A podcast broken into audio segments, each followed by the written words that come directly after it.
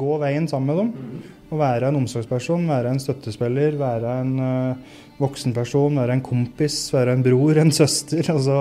Vi skal ikke gjøre jobben for dem, vi skal gjøre jobben sammen med dem. De skal ha delaktighet i eget liv, da. Og det er jo absolutt kjempeviktig idet du driver og blir voksen. For uh, idet du blir 18, så er du jo på en måte voksen. Men uh, vi skulle alle kanskje ønske, når vi ble 18, å ha en litt sånn kompis og støttesetter som har vært der før, da. Ikke være redd å stille ungene dine det spørsmålet. Eller gå og mistenke over lengre tid og bygge opp masse aggresjon eller uh, uvitenhet om hva som foregår om kvelden. Bare ta det med en gang. Du hører nå på Teamup podkast. Mitt navn er Espen Haug, og i et samarbeid med Teamup Helse AS har vi nå laga denne podkasten nettopp for deg. God fornøyelse. Da er vi jo på, da. Hopp og nikka. Begynne når du vil. Er vi på, ja? Er vi på, ja? Ja. Hjertelig velkommen inn igjen til Tigerstaden. Direkte inne fra hva skal vi kalle playground music, er det der? Ja, ja, ja. ja, Ja, ja det stemmer. Det stemmer. Vi er da atter gang bønder i byen. Vi har gjort som vi pleier. Vi kjørte oss bort og holdt på inni her, så vi kom nesten for seint. Kjørt feil og redd for politiet skulle stoppe, og det var ikke Ja. måte på det der. Ble noe Var det så ille, ja? det var helt kaos, faktisk. Gammel vane. Altså, Jeg som tenkte at dette var så bra, for det lå rett ved togstasjonen. Jeg skjønte ikke at de kan komme bil. Hvor er togstasjonen, da? Det er det. 20 meter nedi her. Ja, det. Ja, Og det er jo lurt å parkere her, da. ja, ja, ja. Så det er at vi har kjørt her hver gang vi har vært inne her. Så vi har gjort andre ting inni her også, Så da har vi liksom Jo, men det er jo litt sånn i Oslo som det er i Gjøvik, at hver gang du kjører inn, så har de stengt ti nye gater. Ja. Nå har, vi, nå har vi parkert i kjelleren på The Hub. Det var nesten ikke så vi klarte å få et parkeringsbillett heller. er- Nei. Så så avansert er det det, nesten er, det, er, det er ikke lett. Nei. Nei, det det ikke skal lett. ikke være lett. Nei, nei. nei. Men vi har nok kønna si. Ja. Det er jo For de lytterne som hører på nå, da, så hører de sikkert stemma til meg og Marte og Mats. Men det er en stemme til her. Ja. Og ikke en veldig ukjent stemme heller, egentlig. Nei. Sikkert mange som dro kjensel på det. Den mystiske stemmen. har jo sett denne personen ganske jevnt over Ja. siste året på TV. og Jeg har mye mas, ja. Og så har du fått lengre hår siden sist. Ja. Ja, det stemmer. Ja. Det stemmer, det stemmer. Vokser du fort? Eh, nei, jeg har jo spart lenger, da. Ja. Ja. så det, men jeg har hatt en drøm om at eh, før jeg blir altfor gammel, så skal jeg få langt hår igjen. Så nå, nå føler jeg at vi har bikka. Rock'n'roll. Rock'n'roll, ja. ja. Kanskje, vi skal, eh, kanskje vi skal la det, gjesten vår presentere seg, da? Ja. Det er jo litt høflig å gjøre, er det ikke? Jo. ja. Jo. Det er det. Eh, Nei, Daniel heter jeg. Kvammen. Ja. Eh, song and dance man, som, eh, som Bob Dylan sier. Mm. Ja. Mm. Er Eh, Bob Dylan en eh, helt? ja, ja, ja, blant annet. Men det er jo veldig morsomt at han, han, han anser seg sjøl for å være danser. Han er ikke Det er vel noe med ironien at han er jo ikke så veldig dansete av seg.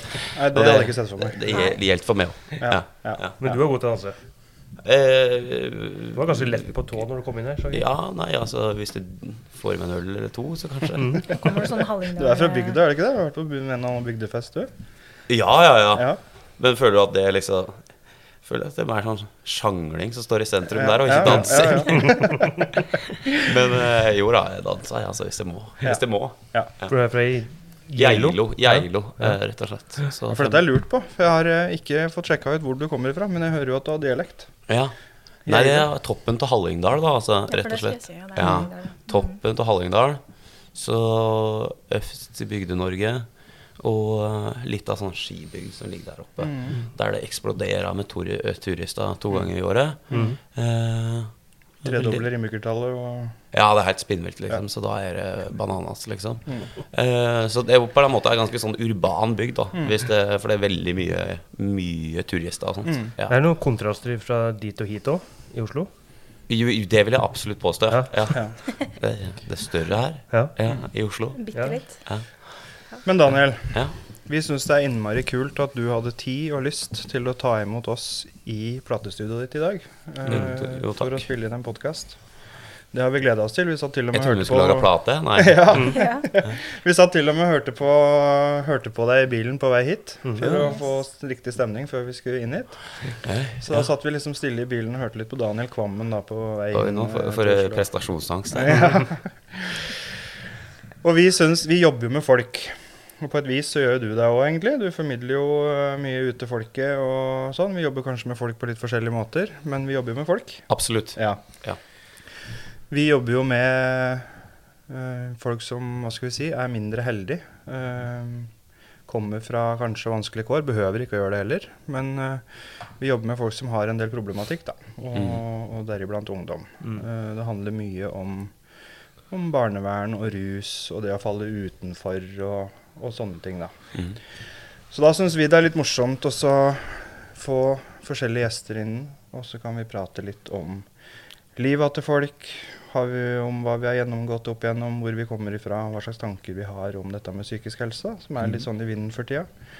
Vi har vært gjennom pandemi, og vi er i krig, og det er, eh, det er alltid et eller annet. Menn sin psykiske helse, det er jo undersnakka.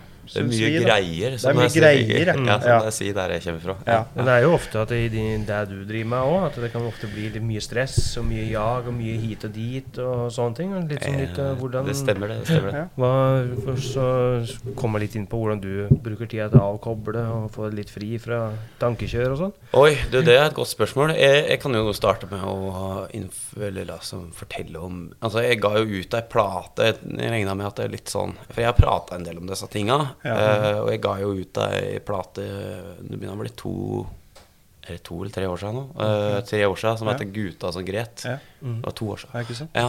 Uh, og apropos menn og psykisk helse, som det, det var nok mer en sånn personlig Mm. Refleksjon enn eh, noe sånn politisk oppgjør, altså. Men, eh, Men altså når da- du legger ut noe personlig, så blir det jo offentlig. Ja, ja, ja, absolutt. Så mange kan relatere seg. Absolutt. Så da ble jeg jo spurt en del om disse tinga, og hadde jo litt låta på den plata som handla om rett og slett disse tinga, og det går jo på at jeg er jo en liksom eh, det jeg vil kalle en nervøs type fra oppe i Bygde-Norge. Så jeg, jeg, Kort oppsummert, så vi kan sikkert eh, utdype dette mer, altså. Men eh, for min del så, så er det jo slik at jeg har jo på en måte personlig eh, eh, gått i bølgedaler opp igjennom, da. Veldig sånn åpenbart for meg etter hvert som jeg blir eldre, at her er det, eh, her er det et eller annet som em, denne sjøen, denne sjøen den uh, har både storm og stille dager, på en eller annen måte. er vel egentlig det jeg har konkludert med, da. Mm. Eh, ja, For du er født på Geilo, Ja. Det stemmer. Åssen var eh, Eller jeg er født i sjukebilen, apropos. Ja, Ja. I sjukebilen, ja. Han er en sønn som er født omtrent i båt. Er det sant? Fødselen kom i gang i båt. Så da, på båtferie. ja. Ja, jeg, jeg hadde sjukebilen. Da, har da, du, du, altså, du har dårlig tid, du òg? Ja. Ja, ja.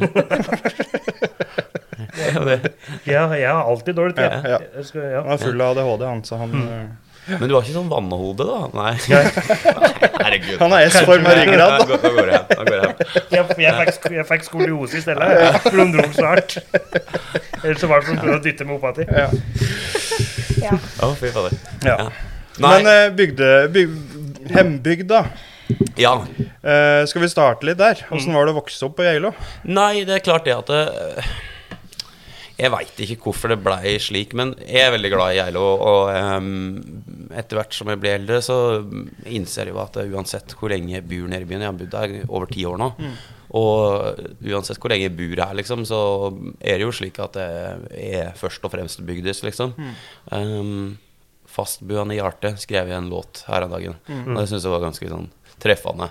Eh, men um, når jeg vokste opp, så Det veit ikke helt hvorfor det, hvorfor det ble slik, men jeg, jeg er en snåling, og det er ikke noe jeg sånn har eh, Er det noe å definere deg sjøl som, eller? Nei, det er egentlig det som vi jeg prøver å komme litt fram til her. At jeg, jeg tror ikke jeg hadde Etter hvert som jeg har blitt eldre, så jeg har ikke noe sånn behov for å eh, eh, framstå verken eller eh, liksom eh, som en snåling. Altså, jeg, det var ikke noe viktig for meg, men eh, jeg tror jo at det kan ligge litt sånn romantisering i det å være annerledes, ikke sant? hvis det gir noe mening. Det, og eh, mens jeg ble eldre, så var det nok litt sånn her at jeg kjente på det at å, jeg fader heller, men eh, jeg, jeg skal jo være litt annerledes. Men det begynte nok bare med at jeg liksom var litt sånn uh, liten og uh, Jeg veit ikke, kanskje jeg bare havna eh, Var du det- aktiv, eller var du rolig og inneslutta? Eller var du veldig energisk. Veldig energisk. Ekstremt glad i oppmerksomhet. Ja. Eh, så det har ikke forandra seg. um, nei, men, men eh, kanskje bare liksom eh, tenke Vært et veldig sånn tenkende vesen fra dag én. Og det gjorde nok at etter hvert som jeg blei eldre på Geilo, så, så havna jeg nok på mange måter sjøl om det var ikke helt krise, så havna jeg nok litt utafor, altså. Og eh, det er jo en eh, Når du er Når du gjør det på Geilo, så kan jo det være ganske Hva skal jeg si? Bygdedyret, er det det vi kaller det? Folk- ja, alle- det er lett, alle, det er lett at små ting blir veldig store. ikke sant? Jeg, jeg tror ikke liksom at eh, Det er jo ikke så krise at det var en eller annen tulling i, eh, i eh, eh, hva heter nabolaget som kalte meg brilleslange Mm. eh, et halvår der, eller om det var et år, liksom. Om det var liksom så er jo ikke det så det er så krise når jeg tenker tilbake på det i dag. Mm. Men der og da så, så er jo verden veldig liten, og det er er at noen uh, sier sånn Fy fader, du er jo en Du er bare en brilleslange, i Kvammen. Og tenker du sånn Å, herregud, dette Mm. Preger en liten gutt, det. Ja, ja. Ja, ja. Nei, så det er en kort oppsummering. At det var nok litt sånn vanskelig, altså. Det syns jeg. Hvem var, hvem var det på skolen og sånn? da? Hvem av gutta var du? Hadde du? Var det mye venner rundt deg? Var det mange som var liksom rolla di? Jeg tror rolla mi var sånn evig sånn joker. Hæ? Eh, jeg var nok ikke noe sånn eh, jeg, jeg skal ikke skryte på meg at jeg var sånn eh, var noe sånn enormt sånn utafor, men jeg var nok aldri innafor heller. Hvis du skjønner? Det var liksom han som var Tilpasningsdyktig, da, eller? Nei, det er liksom på ingen måte. Kunne gå, inn i, hvil- kunne gå inn i hvilken som helst gjeng og så bare være med, holdt jeg på å si? Ja, ja, på den måten så Ja. var det nok sånn Jeg hang liksom med de som var De som var ve veldig rare, og de som var veldig kule. Men så var det nok også sånn at eh, jeg var jo liksom litt sånn som var nederst på rangstigen i alle disse gjengene. Så det var jo liksom lett å ta med hvis de trengte litt sånn Og kanskje, ja, sånne ting, da. Brillelua på et eller annet tidspunkt så brakk jeg en arm og ble ganske sånn overvektig, og da var det litt sånn lett å pirke på. Pirke på. Ja, pirke på, ja. Ja. ja. Rett og slett. Um, Og så får jeg lyst til å spørre, da. For sånn, jeg får, når jeg hører på sangene dine, sånn, det er litt sånn melankolsk. litt sånn, Det er mange viktige temaer du tar opp, blant annet. Og sånn. Så når du var ung, da, var du sånn uh, fyr som var på Løkka og spilte fotball og sto på Slalåm i Slandbakken? Eller satt du hjemme og liksom skreiv uh, Jeg har en sånn følelse av at du liksom har skrevet alltid. Det nesten høres sånn ut når jeg hører på tekstene dine. Ja, nei, jeg skjønner ikke hvor den der skrivinga kommer fra. Ehm, nei, jeg var nok med på aktiviteter og sånt. Jeg har aldri, Den skrivinga kom seinere, men jeg begynte jo Jeg var veldig, veldig leseglad da, eh, tidlig. Så jeg tror det er mer det der at en kan sitte og liksom fundert over uh, Fundert over Og ja, det henger sammen. Det er sånn Det høres jo ut som jeg har sittet og tenkt på dette siden jeg var tre år, men eh, Ja, noen men, har jo det. Ja, ja, men altså sier, sier, sier de, da. jeg er veldig nysgjerrig, da. Ja. Så jeg liksom jeg, jeg, Og det merka jeg til og med i dag, hvis vi noen gang skal komme inn på det. Hvis det ikke noe gir mening sånn rent sosialt, så blir jeg, jeg blir så stressa. Det er bare sånn, hæ, hvorfor Hvis det er noen som ikke liker meg, f.eks. Så blir jeg sånn Hæ, men hvorfor det? Altså, da, så når du har det at du blir veldig sånn nervøs av det, så, og veldig sånn spørrende, så, så stiller det jo mye Så jeg tror den skrivinga kommer derifra. Ja. Ja, rett og slett. Hva trodde du skulle møte deg i dag, bare for å følge opp det, den tanken? holdt jeg på å si. Du sa når du kom skulle hit i dag, og sånn sosialt og sånn nye ting og sånn. Hva trodde du skulle møte deg her rundt bordet i dag? Og øh, i dag, nei, det øh, så Jeg har blitt så voksen at jeg tar det som det ikke Jeg hadde Ja. ikke noen sterke Sterke øh, tanker om det. Nei. Ikke det Det har jeg tenkt, jeg vet ikke hvor dikka meg nå, men man var litt så f- fleksibel. Er ikke det jeg ble flinkere til? Ja. Etter hvert som man ble eldre. Hopp i Noe jeg er bedre på enn å hoppe i det og møte nye folk. Så Marte hater det. Ja, du gjør det, ja? Ja, ja men det forstår jeg. er Du du introvert, egentlig. Han, eh, Espen han har en veldig god sånn revyforestilling som vi har spilt på Toten. Ja. Og hun var nesten ikke så fikk med hun til å se på den heller, for at hun blir flau på hans sine vegne. Så hun er nesten ikke så klar å sitte og se på. det er sant? Ja. Men hvorfor, hvorfor det, da? Er det, er det? jeg er bare sånn introvert. Jeg, er liksom, Du trenger å være med oss. ja. Jeg liker sånn kjente miljøer og liksom møte samme folk og sånn. ja. Ja. Den siste vi var i Oslo og spilte inn podkast, så fikk jeg nesten så angst at jeg hoppa ut vinduet, tror jeg. Det var Er det såpass, ja? ja. Her var litt mer hjemkoselig. så Men går det bedre nå, eller? Nå går det bedre. Ja, nei, da skjønner jeg. Da utfordrer jeg mye på det, Det er dialekta som roer meg litt ned, faktisk. Litt sånn eh, Jeg, jeg, kan legge om enda Nei, men det er mer. veldig koselig. Og så liker jeg at du har holdt på dialekta di, da. Hvis Jo, du har bodd i Oslo i ti år. Jeg syns det, er- jeg synes det er som veldig sånn karakter, da. Karakterbyggende å holde på dialekta si i stedet for å bare bli helt utvanna sånn. Oslo. Ja, det har nå iallfall Men det var Ja. Men, eh, ja jo, takk. Takk. Takk. Uh, så er det jo litt sånn eh, Det har nå bare blitt sånn. Altså, Ja. mm. Du vet, jeg har, har en karriere bygd på en karri Ja. dialekt. du, Har noe å holde på her. Ja, ja, ja. Jeg hadde liksom ikke blitt helt det samme med sånne litt sånn melankolske visesanger på eh, sånn Oslo vest eh, Det er ordet som dere sier, det har jeg sagt to ganger nå. Der merker jeg at det der skal ikke jeg prøve meg på. Nei. Hva Det blir litt koselig. Melankolsk? Ja. Melankolsk, ja. Melankolsk. Nei. Mm, Det vet Det ikke du hva er. Mats. Fordi du, er, du, du har ikke det. Nei. Nei, melankoli, det har du ikke. Nei. Nei, nei, nei, nei, nei. Det er koselig med dialekt. Ja. Ja, helt enig. Helt enig. Har du stor eh, familie og sånn på LO? Har du søsken og Ja, du er ja søsken, og herregud, jeg har sånn fyrig sånn familie der alle krangla og sånn som er sånn ordentlig sånn der Men alle er veldig glad i hverandre, da. Så det er jo, men det, det er storfamilie. Mm. Eh, nei, storfamilie. Fem. Og veldig sånn masse slektstreff. Og, ja. Så jeg har jo hatt en veldig sånn trygg oppvekst, da. Det må jeg jo virkelig påpeke. At, mm. på mange måter. Det er jo eh, Eh, men veldig sånn fyrig. Sånn derre eh, Jeg tror det er Stein Torleif Bjella der. Han har en sånn eh, låt der han synger om eh, 'Jeg har sydlandsk temperament'. Og det, det er sånn det kommer det for min familie. Eh, og husk at når jeg flytta til Oslo, eksempel, så syntes jeg det var veldig rart at folk ikke De syntes det var helt sånn merkelig når folk blei forbanna. Og det, det liksom sånn Det var helt sånn ute. Kan det om at det er litt sånn nært på bygda kontra storbyen, liksom? At, jeg veit ikke. Men blir folk forbanna fortsatt eh, oppe på Gjøvik? Ja. Ja. Vi har eh, kroneksempler. Han som stort sett er forbanna, da. Han eh, Ja, det er det. det. Nei, jeg, jeg, er ikke, jeg, jeg er ikke forbanna hele tida. Men jeg, jeg, jeg er ikke noe sånn veldig fan av sånne urettferdige ting og sånn. Da går det veldig Ja. Da blir du forbanna. Ja, så ble Lars sint i, tra i trafikken i stad fordi det var trafikk i Oslo. Mm. Men jeg er sånn som jeg, jeg er sånn som jeg har sagt flere ganger, at jeg, jeg bryr meg ikke noe om sånn hvis, hvis det kommer en fyr for fort inn i rundkjøringa eller noe, så er ikke jeg han som henger på tuta. Nei. For jeg, jeg føler da at liksom Du kan ikke bruke livet ditt på å være sint på sånne ting, tenker jeg. For at han gjør det ikke med vilje, på en måte. Nei, men, nei. Men, men hvis det er noen som tuter på meg, Ja. da stopper jeg i rundkjøringa og spør hva hvorfor tuter du? Og du går ut av bilen og sånt? Ja, ja. Å nei, er det sant? Å, hjelp, da vil ikke jeg treffe deg. Å, Men, ja, men det er så unødvendig. Hæ? Det er så unødvendig. Tute, for jeg gjør det ikke med vilje. Ja, så jeg feilbedømmer avstanden og farta også. Ja, ja. Ja. ja. Så jeg gjør det ikke med vilje, ikke sant. Vi har snakka om det en del i podkasten, og vi bruker det en del i jobb. At uh, han har jo veldig kraftig ADHD. Og det har vi på en måte dratt inn i mye, for mange av de ungdommene vi jobber med, har jo sånne diagnoser. Ja.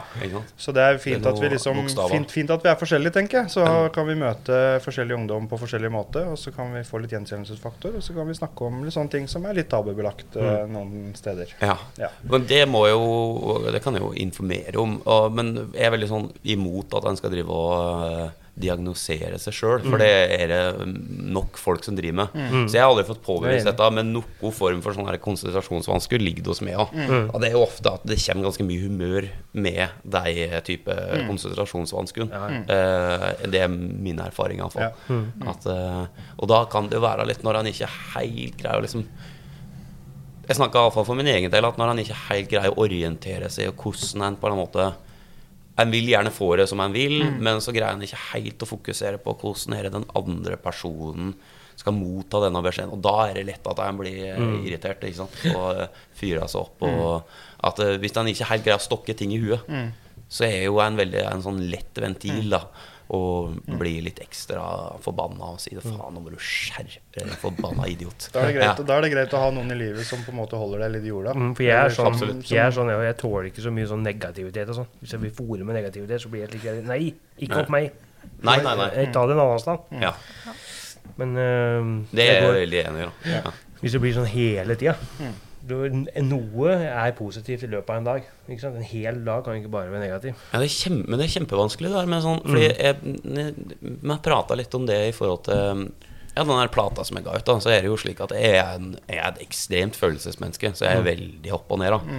Eh, og innimellom, og spesielt hvis det skjer store livsendringer, eh, så, så veit jeg at eh, hvis det f.eks. Nå sier ikke at det har skjedd, altså, men hvis det skje, eh, Hvis det skulle ha blitt slutt med noen opp gjennom mitt liv, da veit jeg at da har jeg et år etterpå der som eh, er helt sånn berg-og-dal-bane, liksom. Og det visste jeg ikke før, men det veit jeg nå, da, så nå kan jeg på en eller annen måte liksom håndtere det på en eller annen måte. Du bruker lang tid på å prosessere ting. Eh, Tydeligvis. Ja. Ja. Mm. Men da er det jo veldig sånn Da prater om alle disse emosjonene som er, for han kan bli lei seg. Ikke sant? Og mye av dette går ut ifra at når de kan prate med disse ungdommene og sånn, så er det vel det å liksom gjenkjenne Å ja, ja, nå blir jeg sånn. Kan det stemme? Ja. Og så er det sånn som finner noe positivt. da, At Hvis du driver og smører på ei brødskive til, da, og den detter ned fra bordet Hvis Mm. den lander med pålegget opp, da, så tenker jeg sånn Yes, ja, dette gikk jo bra. Ja, Ikke sant? Jo, men hvis, hvis hele dagen har vært eh, dårlig, negativ, så handler det om å finne den lille positive tingen, da. At hvis- ikke Jeg får ta Ja. skive igjen. Ja. Men jo, men at den ikke lander med pålegget ned, at den lander med pålegget opp. Ja, sånn, ja. Ja. ja, ja. Så er det sånn Yes, dette gikk jo fint. ja. Ja, og Ja. Da, er det sånn, da, da er det en sånn positiv ting. Altså, Absolutt. nå var det bare sånn rent eksempel, da, men det her handler om å finne den lille biten i en negativ dag. Og finne den lille positive tingen. Ja, absolutt.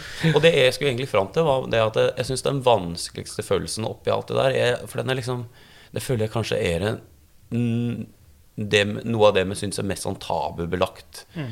Iallfall i mine miljø, og jeg har inntrykk av at det egentlig er en sånn norsk greie. er sånn der at det, det å være sint, Mm. det er veldig sånn uting, da. Og så var det du var litt inne på det, fordi du snakka om at eh, jeg takla så mye negativitet. Eller jeg kan takle litt, mm. men jeg takla ikke hele tida. Jeg, jeg vil ikke bli fora med det. Nei. Men det er egentlig interessant, fordi sinnet er jo en veldig sånn Jeg går til en psykolog og prater liksom, om hvordan humøret mitt er. Og da sier jeg faen, nå ble jeg forbanna sist uke. Så, sier psykologen sånn Ja, men du har lov til å bli forbanna nå. Og så sier jeg nei, men nei, nei. Det, det, det, for det har jeg lært da etter hvert som jeg ble eldre, at jeg blir ikke sint, liksom. Nei. Og så jo, jo, men du har lov til å bli sint. Og så bare nei, men alle mine venner sier at det er helt sånn uakseptabelt. Å ja, ok, greit. Nei, du Men Fordi det er jo det at sinne er en sånn følelse som egentlig alle har. Og som kanskje ikke er den mest konstruktive måten å få ut noen følelser på, men den er jo veldig naturlig. Og innafor rimelighetens grense så er det jo helt sånn vanlig å være sint.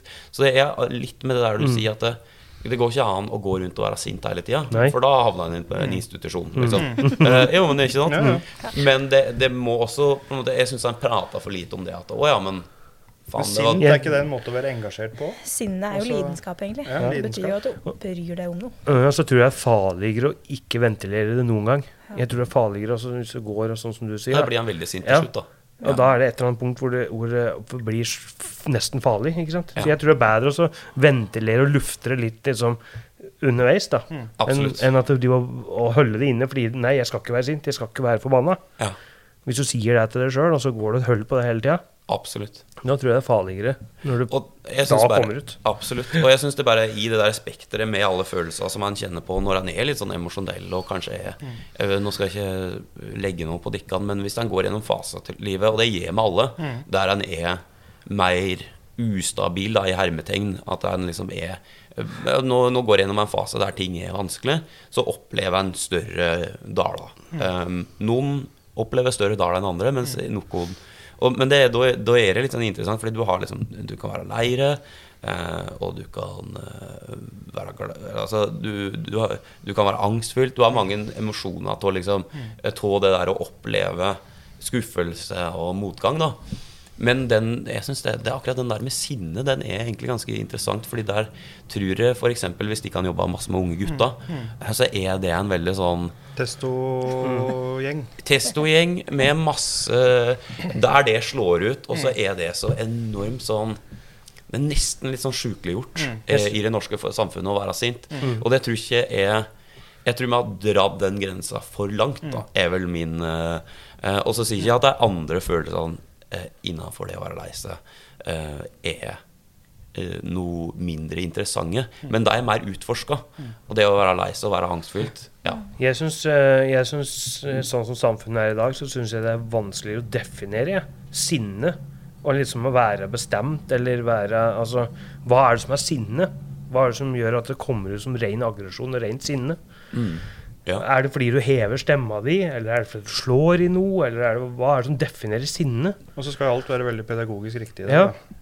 Ja. Ja. ja. Så det er veldig mange sånne der, ja, det kan du ikke gjøre, og det kan du gjøre, og så kan du ikke gjøre sånn, og så kan du gjøre sånn. Mm, sånn, Spesielt i sånn, barneoppdragelse, for eksempel. Ja. Alt skal være veldig pedagogisk. Barne-TV er jo ikke barne-TV lenger. Det er jo lagt opp så det skal være riktige farger, og det skal Det sies riktige ting, og det skal læres. Ja. Og det er bra, det, for så vidt. Mm, og så er det sånn her at det er sånn som eksempel i stad. Med å altså kutte inn i rundkjøring, f.eks. Og en som holder på tuta. Er han sint da? ja, det er et veldig godt spørsmål. Ja. Men for nede i Spania så tuter jeg hele tida. Ja, ja. Ja. Ja. Ja, Ja. og er, eh, Jeg vet ikke om det er sint der, men Nei. eh, Nei, men det der er akkurat fordi Eller sier det han er der, der, der, er nyansene. For jeg tror med en gang du sier sint, så kanskje det sitter noen og hører på det nå. Ja. Eh, Hvis jeg hører på dette, så tenker jeg sånn Å ja, men da er det snakk om eh, Da er det snakk om at en av oss som sitter rundt bordet her, er sånn så sint at han hiver ting i veggen og sånt. Mm. Og det er jo Det skjer jo med folk, det, og det, det, det er ubehagelig, og det er kanskje ikke så gunstig, liksom. Sånn. Eh, men det er klart at det er nyansene. Det er sånn Mm. Der du er inne på sånn Når du starta sinnet sånn Ja, heve stemma si til noen. Ja. Um, jeg opplever det at ofte hvis noen gjør det til meg, eller hvis jeg gjør det sjøl, at det er veldig tydelig. Eh, nå skal jeg fortelle en historie. Nå skal jeg fortelle um, eh, Jeg er faktisk eh, litt stressa i dag, fordi at eh, på lørdag så Jeg har jobba veldig lenge med noe greier. Hva da? Ja, nei, men en, en låt. En låt. Og så på lørdag og så har jeg liksom masa på noen som også jobba med den låta. Om sånn, kan du ikke høre den? Bla, bla, bla. Og så på lørdag så, drikker jeg tre øl. Og så blir jeg bare sånn Nå er det, nå er det faen meg fem dager siden jeg har sendt den låta. Nå har jeg ikke fått noe svar. Og så skrev jeg bare en melding som var sånn em, som var sånn Så utrolig Jeg har aldri opplevd dårlig, la, mer laber stemning rundt en release. Gud bedre. Hadde du, hadde du utropstegn nå? Store, hadde- store bokstaver. Jeg hadde på den Gud bedre enn, så var den, den var stor, ja. Den var stor. Skrek Og da, da har jeg da, per definisjon Jeg vil definere Og dette mennesket er veldig fornærma nå. Veldig, veldig fornærma. Eh, fikk melding i dag tidlig. sånn Veldig fornærma. Så han uh, fikk melding eh, dagen etter, og så fikk jeg sånn eh, Vi prates på mandag. For det er noen jeg jobba med, da. Og eh, veldig fornærma. Og da har jeg per definisjon vært Sint. sint, ikke sant? Ja. Eh, og da er liksom Det er jo et sånn Det er et nyansespørsmål, for der har jeg vært Jeg har jo da Da kan jeg bare dele Jeg har jo på en måte vært ufin, ikke sant? For jeg har implisert at hun ikke Eller den eh, det var- Denne Den- den nøytrale. Denne, denne hen. At denne personen ikke er interessert i eh, det Jeg har bare implisert noen ting, da. Um, og da forstår jeg at jeg er fornærma. Uh, men så er spørsmålet sånn uh, Er det Altså det, for det er et sånn nyansegreie. Akkurat som når han tuter, da, gir det her noe mening. Ja. Ja, at, eh, at det, er jo ikke, det, er jo ikke, det er jo ikke drap, liksom. Nei. eh, hvis du skjønner. Nei, men det er jo ikke det. Og så er det sånn Det er interessant å høre på hvordan du prøver å forklare dette her. Ja. Ja. For du, du prøver å definere sinnet, du nå. Ja. Ja, jeg prøver å definere om jeg Fordi da har vi hatt en diskusjon, og så har jeg beklagd. Og så tenker jeg sånn ja, Ok, men nå har jeg beklagd at jeg var litt ufin. At jeg var litt sånn Jeg var veldig tydelig da på at jeg følte meg oversett. Eh, og så er det noe med da måten eh, jeg har formulert meg på, som er sånn Sånn går det ikke an å prate til folk. Og Men så er det litt, sånn- det er litt vanskelig, da, fordi SMS er jo da short Ja. message service. Så jeg har prøvd å si at Oi. hvis du skal ha en diskusjon, så skal du ikke ha en diskusjon på SMS. Du skal skrive det du skal skrive, og så kan du snakkes på telefon, på en måte. Jeg òg er veldig på det. Ja. Jeg hater å skrive meldinger og e-poster, sånn, for at du hører ikke tonefall, Nei, og du, og du hører ikke toneleie eller noen ting. Nei. Kan misforstås. Det kan misforstås. Sånn. Så jeg er alltid sånn. Jeg, jeg ringer uansett hvor sint jeg vet en person i andre enden er. Så tar jeg den Du telefonen og jeg hører ikke tonefall, og du hører ikke liksom de Nei. personlige Da er det mye bedre å ta telefonen og så snakke. Ja. Ja. For, ja. Ja. For det er ofte Men- sånn hvis jeg svarer litt sånn kort, så kan jeg ofte, hvis jeg skriver sånn 'nei, snakkes i morgen', og da kan jeg ofte få sånn 'er du sint?' Og så blir jeg sånn 'nei'. Ja. Er du sur? Eh, nei, jeg er ikke det. Jeg bare svarer uten at det er sånn hjerte og smiley og Men nei-en er kjempehard òg, da. Ja. Ja, Vi er blitt et sånt samfunn som er veldig sånn der, Det må være noen emojis som forklarer hvilken side Ja. vi er i. ja. ja. Det må være et hjerte der. Jo, men det er ganske vanskelig. sånn altså, det er ganske jeg vanskelig. Jeg sender liksom. alltid sånn uh, dansemann, jeg. Sånn 'Jeg hater deg, dansemann'. Jo, men det er ganske ofte Du er det verste mennesket jeg vet om, dansemann. hater deg i hjertet. Veldig, Og, veldig da, og der, den er litt genial, da, for da kan ikke han i andre enden bli sint.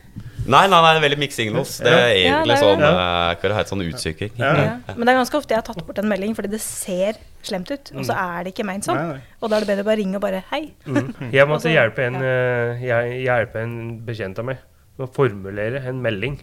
Fordi han hadde prøvd å skrive meldinga tre ganger, Ja. og han hørtes sint ut. Ja. Han hørtes ut som var så jævlig misfornøyd, så han spurte om jeg kunne formulere meldingen som ikke hørtes så sint Ja, men da er det sånn, da. Men- Hva er sint? Ja, men forklarte den poenget ville ha fram, da, uten å virke sint. Ja. Er dere venner igjen? Nei, dette må jeg se Dette må jeg, dette må jeg finne ut av. Jeg finne ut av. Men hvor ille var det, Du kan sende en dansemann, tenker jeg. Ja. Ja. Men, uh, men da er vi tilbake på det der med liksom sånn uh, Poenget er at det, Har du hørt på låta 'Dansemann'? Ja. Har du hørt på låta 'Dansemann'? Ja. Uh, Du må uppe gamet på emojis, tenker jeg. Ja. ja. Ja. ja nei, men da, da tar jeg det. Ja. Nei, men det er ikke så lett, altså. Nei.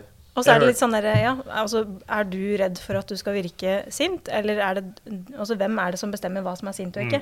Er det hva du føler sjøl, eller er det hva du er redd for at andre skal føle? på en måte? Det er det som er så vanskelig i dag, syns jeg. At du må ta hensyn til alle andre sine reaksjoner på det du sier òg. Og så føler jeg litt at det sånn. ikke alltid har vært sånn. Nei. Hva er det som liksom spiller noe rolle? Hva er det som er noe Vi lever litt i krenkesamfunnet da. Litt. Ja. Det er måten vi tar ting på. Ja. Ja. Vi liker å si at vi er krenka, eller at vi er Ja, vi syns dette var vondt, eller Jeg tør ikke å uttale meg om det her. jeg. Nei. nei. Nei, men Vi er, jo krenkesamfunn. Alle har hørt om det. Det er et minefelt, liksom. Det er Nei, et minefelt. absolutt.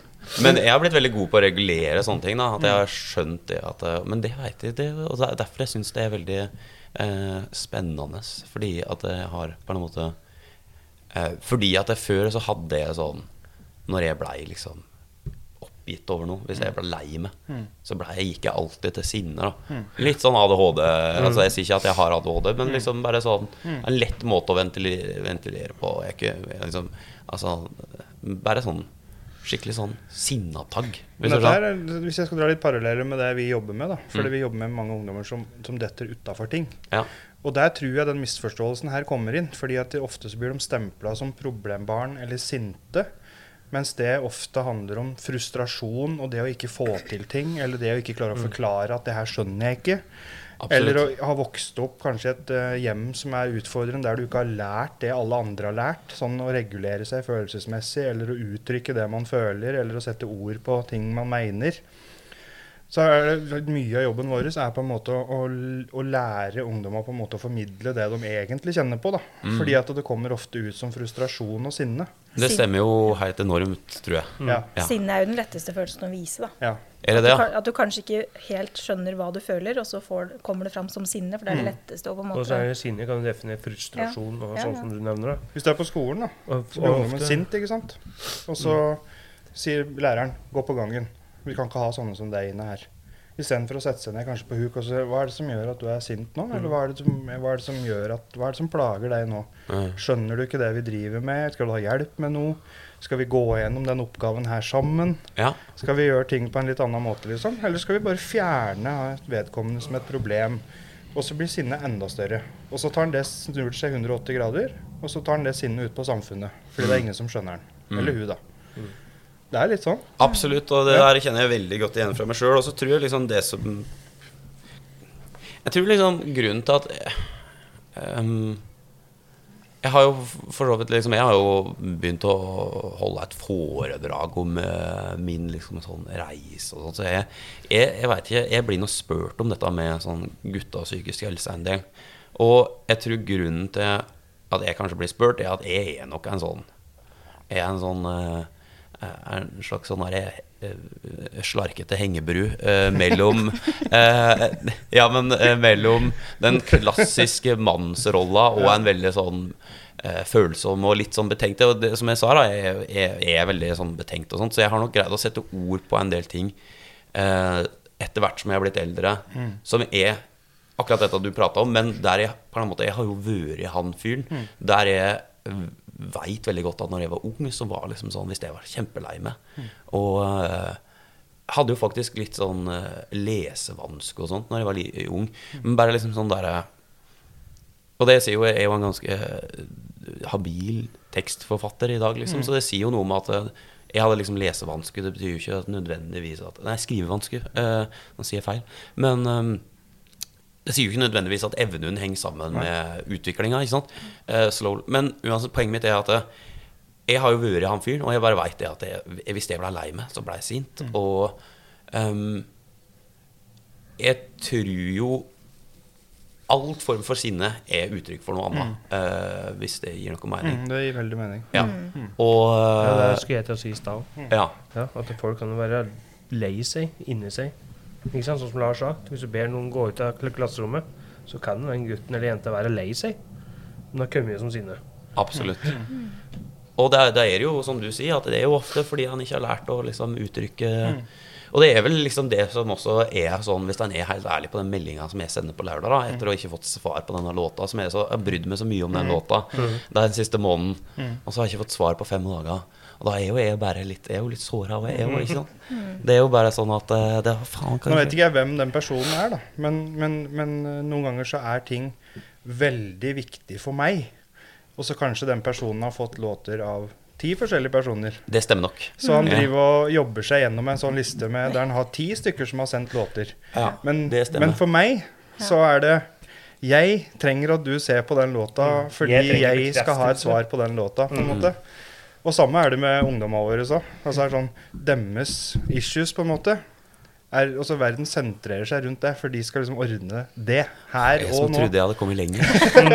Nei, men Det kommer jo tilbake til lidenskap. da. Ja. Hvis sang og låtskriving er Ja. din lidenskap, så er det jo noe du brenner for. ikke sant? Ja da. Så det blir jo veldig sånn at det, for hvert sekund som går, så virker det som det har gått en dag. Så det er sånn, det er som, som du sier, jobba veldig mye med det, Ja. og du ønsker bekreftelse på det. Er det bra nok? Og Ja. da blir tida lang. Om du må vente Ja. seks timer eller fem dager, Mm. så er det fortsatt uansett så er det lang tid å vente. Så er vi søker bekreftelse. Og der blir du aldri for gammel til. Og så er vi sjølkritiske. Hvis det går fem dager uten at jeg får svarene, betyr det at han ikke liker den, eller er det Det er jo det en uh, tenker. Ja. At, uh, ja, rett og slett. Ja, nei, men, uh, men uansett så tror jeg bare en sånn For min del så kan nok jeg kjenne meg veldig igjen i deg. Jeg har, har nok Og det, det, jeg har nok aldri hatt sånne Jeg fikk kanskje den store reaksjonen når jeg blei enda eldre enn For de kan jobbe med gutta og jenter i hvor slags alder? 13 til 20, egentlig. Ja, ikke sant? Nei, jeg, og det her har jeg jo vært litt åpen om, men jeg, jeg kommer fra en heim med bli sinte. Det betyr nok også at vi er jo ikke sånn det er ikke sånn at far min ser meg inn i øynene og sier at han er glad i meg. Uh, det er jo så vidt han sier hei når jeg kommer hjem etter å ikke vært der på et halvt år. Jeg si. Så, uh, men jeg veit at han er veldig glad i meg. Men en sånn familie med Hva skal en si? Eh, der en ikke er så flink til å uttrykke følelser. Det er generasjonsbetinga òg. Det er generasjonsbetinga òg. De før, mannfolka før i tida, Ja, ja, og gjerne på ja, ja, ja. bygda oppå en gard, Virkelig. de sa ikke så veldig mye at de var glad i folk, tror jeg. Klassisk, klassisk mann. Ja. Nei, og så går dette mange år, og så er det jo sånn her at vi prata litt utafor, kanskje sånn sosialt, men å prøve og prøve. Og så er det slik at på mitt, når jeg blir 25, så får jeg liksom denne musikkarrieren min litt sånn eh, overraskende i fanget. Jeg har jo spilt mye musikk, og det er liksom det jeg alltid har brydd meg om. Men eh, trodde nok at det gikk ikke an å tjene penger på da, og leve av. Så mm, så skjer dette, og så eksploderer liksom den karrieren. Går fra 1 til 100 på et halvt år.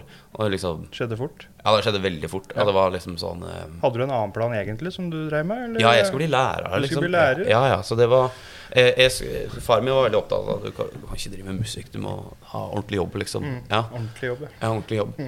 Og så går dette fra 1 til 100, og um, på et halvt år så blir jeg liksom booka til Øyafestivalen. Og det er, bare, det er bare noen venner som ser meg spille hjemme hos noen. Så det, og da er det jo klart at det, det som skjer da, er jo da at eh, eh, da plutselig er det jo veldig mange som ser masse verdi i meg. Ikke sant? Sånn her, Å ja, men han med kvabben, han har skrevet den der 'Du fortjener en som er med', og, eh, og plutselig så, så Så er det jo sånn at jeg er på toppen av verden ikke sant? og reiser rundt og spiller for VG-lista for 100 000, og det er ikke måte på, liksom. Og jeg ville ikke tatt tilbake dette for noe som helst. Men det er klart at det, på et eller annet punkt så er jo fortsatt han der lille, usikre gutten som har kanskje fått litt for mye avvisning og sånn. Han er jo der inne. Og sjøl om alle liksom sånn tenker sånn Ja, han har skrevet den låta, og det går så det ruller. Så er det jo ikke sånn at han gutten, han der usikre gutten, blir Du blir ikke borte. Han blir ikke borte. Og uh, han vil jo fortsatt på en måte bli uh, ha, ja, Han definerer seg jo kanskje ikke gjennom de låtene.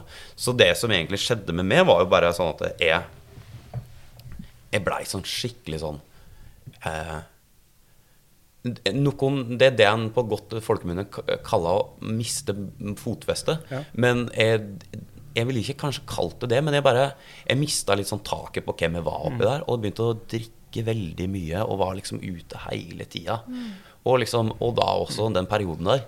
Altså, jeg kunne skjelle ut folk fra Det gikk sånn, det gikk sånn i bandet mitt. Så gikk det sånn derre eh, Der pleide bare å kalle seg at det gikk sånn Der kommer det er ikke vondauget til Kvammen. hvis, hvis noen spilte feil, så gjorde jeg sånn. Og da var det bare sånn Nå blir det bråk, liksom. Er det, ja, ja. Så det var liksom en sånn periode, og da var det til slutt Og det, da utreagerte jeg på alle måter. Det var liksom helt sånn Helt sånn banana, så jeg blei sint på folk, og jeg var på fylla hele tida. Men var det på en måte uh, Bare unnskyld at Nei, jeg nei, avbryter, nei. men, det er Gud. Når det ble mye fyll og mye sånne ting, øh, var det på en Det ble ikke noe bedre av det, nei. Nei, det ble ikke noe bedre. Nei. Men var, er, er det liksom, handler det om sånn usikkerhet i bånn, eller handler det om en sånn rakettkarriere der du måtte være overalt hele tida og ikke kunne gå glipp av noe på en måte, og ble booka inn her og der, så bare livet bare rulla på, holdt jeg på å si. Jeg tror nok det er begge deler, men Ja. jeg tror grunnpilaren er jo det at en er veldig En på en måte føler at en opplever veldig mye ting eh, som en ikke helt greier å håndtere sånn mentalt. da Eller sånn pre, pre, Prosesserer, er det vel det det heter. Eh, at en liksom på en måte opplever Nå skjer det veldig mye som eh, eh, plutselig er en kjempekul i hermetegn, men han føles ikke så veldig kul. Og så eh, Ja, det, det skjer mye greier, liksom, hvis du skjønner. Eh, som han på en måte kanskje ikke helt sånn greier å skjønne hva er. Og da, for å liksom døyve dette På en måte roe nerven, da. Eh, dette kjenner dere sikkert igjen i liksom eh, For det, det som er egentlig veldig viktig å si, at dette er jo ikke noe sånn Du trenger ikke være artist for å kjenne på dette. Men det kan kanskje bli liksom skrudd til ti hakk når du er artist. Um, og du, du er stressa fordi den følelsen til å ikke liksom helt sånn forstå hva som skjer med en. Og da er det jo veldig lett å subsidiere eh, eller prøve å dempe de følelsene med alkohol. Pause fra seg sjøl? Ja, liksom, rett og slett. Jeg tror jo alle kan kjenne på at det blir for mye innimellom. Og det samme om det på en måte er at du får en karriere eller hva det er. Så er det, det, Vi snakka jo litt om det med Jimmy sist når vi hadde podkast i Oslo. At det er liksom det er en mestringsstrategi. Hvem var det som sa det? Eh, han eh, Jimmy vi Jimmy Westerheim. Ja, ja. ja, ja. Han snakka jo om at det finnes jo mestringsstrategier, og så hva er det som betegner at det er en bra eller en ikke bra en? Fordi mestringsstrategier fungerer jo. Om det er en destruktiv alkoholperiode f.eks., da, eller om du går og snakker med en psykolog, så er jo, det er jo mestringsstrategier for å komme seg gjennom det du står i. Og det er ikke sikkert at det var noe galt fordi man bruker alkohol en periode, da. Det er jo en strategi for å komme deg gjennom, på en måte. For å takle det som skjer, da. Ja. Sånn.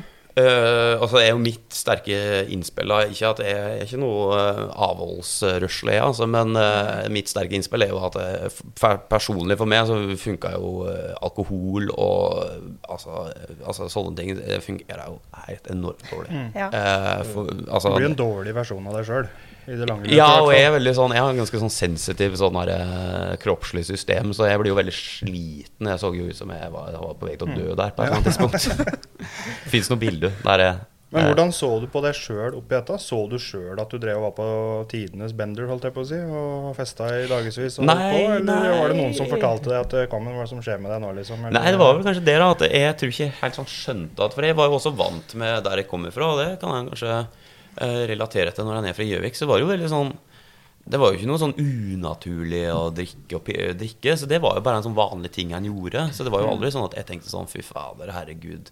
Eh, herregud. eh, Nå Dette er unormalt. Jeg Det er jo bare noen sånn harde bygdefester på bygda òg, på en måte. Det er ganske Ja. Det går for seg der òg. Ja, ja sa han stille. Ja, ja det stemmer. Uh, nei, men eh, de kan kjenne jo igjen det. Ja.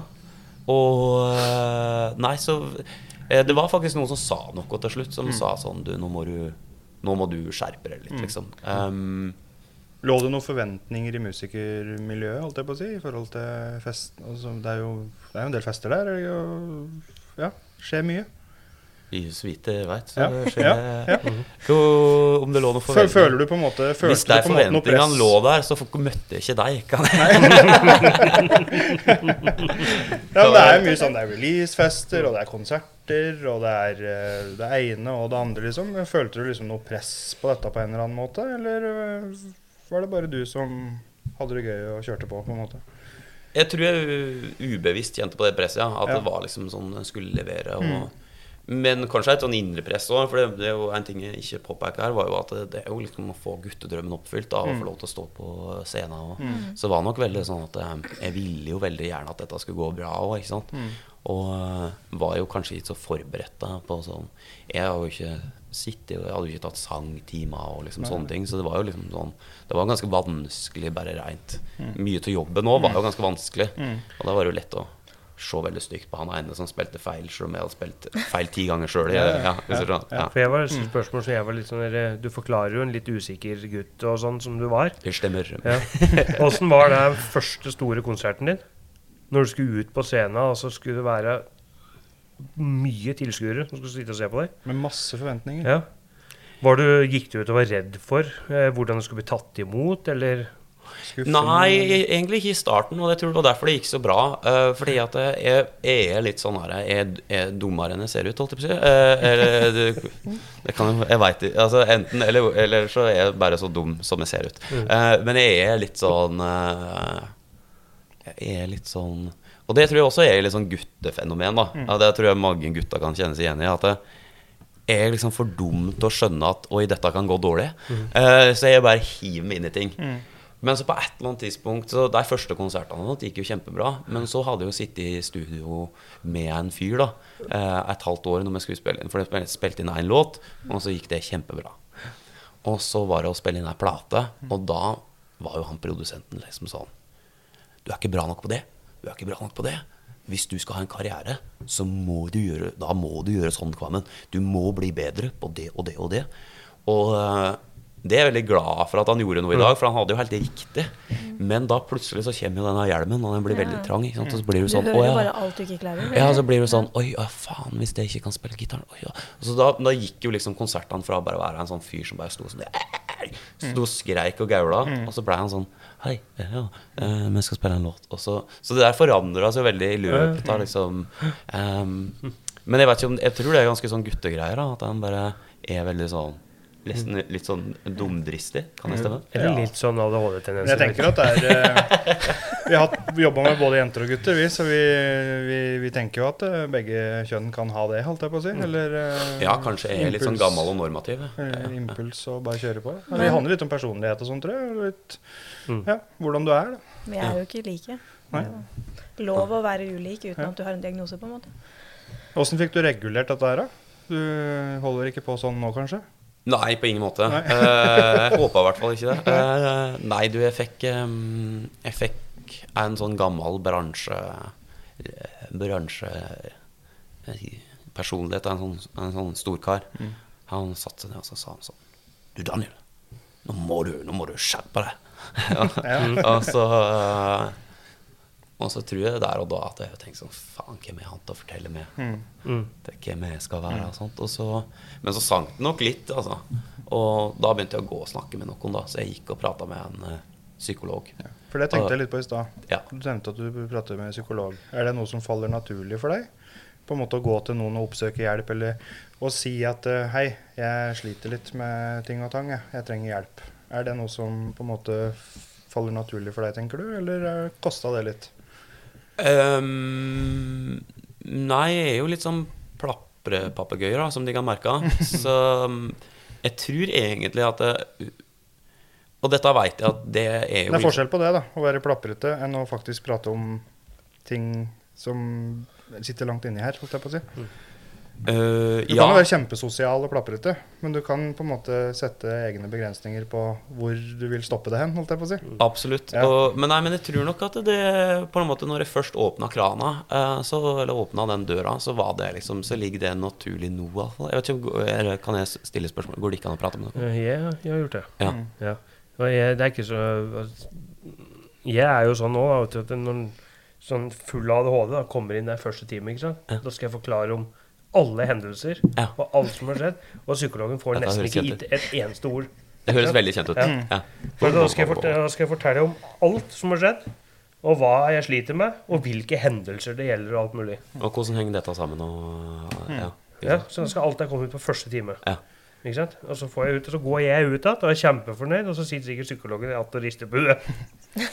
Men vi har vært Og så kommer jeg, så kommer jeg timen etter. tror jeg ikke. Men ja. Men så kommer jeg timen etter, da kan det gå litt Da Da kan er rolig, ja. rydde, Ja, rydde litt. da kan vi begynne å ta hendelse for hendelse. Da har jeg fått litt kontekst, da vet Ja. jeg hvor jeg skal For begynne. vi, vi har jo vært ute med historien vår, for vi har jo vokst opp med Jeg har blitt utsatt for overgrep, ikke sant. Og vi Ja. har hatt utfordrende oppvekst, og vi har slitt med rus, og vi har vært eh, Så vi har jo på en måte brukt to tredjedeler av livet vårt i hjelpeapparatet. Eh, Ja. Så jeg har på en måte nesten prata med noen hele livet. Mm. Eh, siste åra så har jeg jo jobba mye med det og tatt utdannelse og liksom sånne ting, så det har blitt mindre av det. Men det er jo ikke så lenge sida som jeg plukka opp av tråden litt.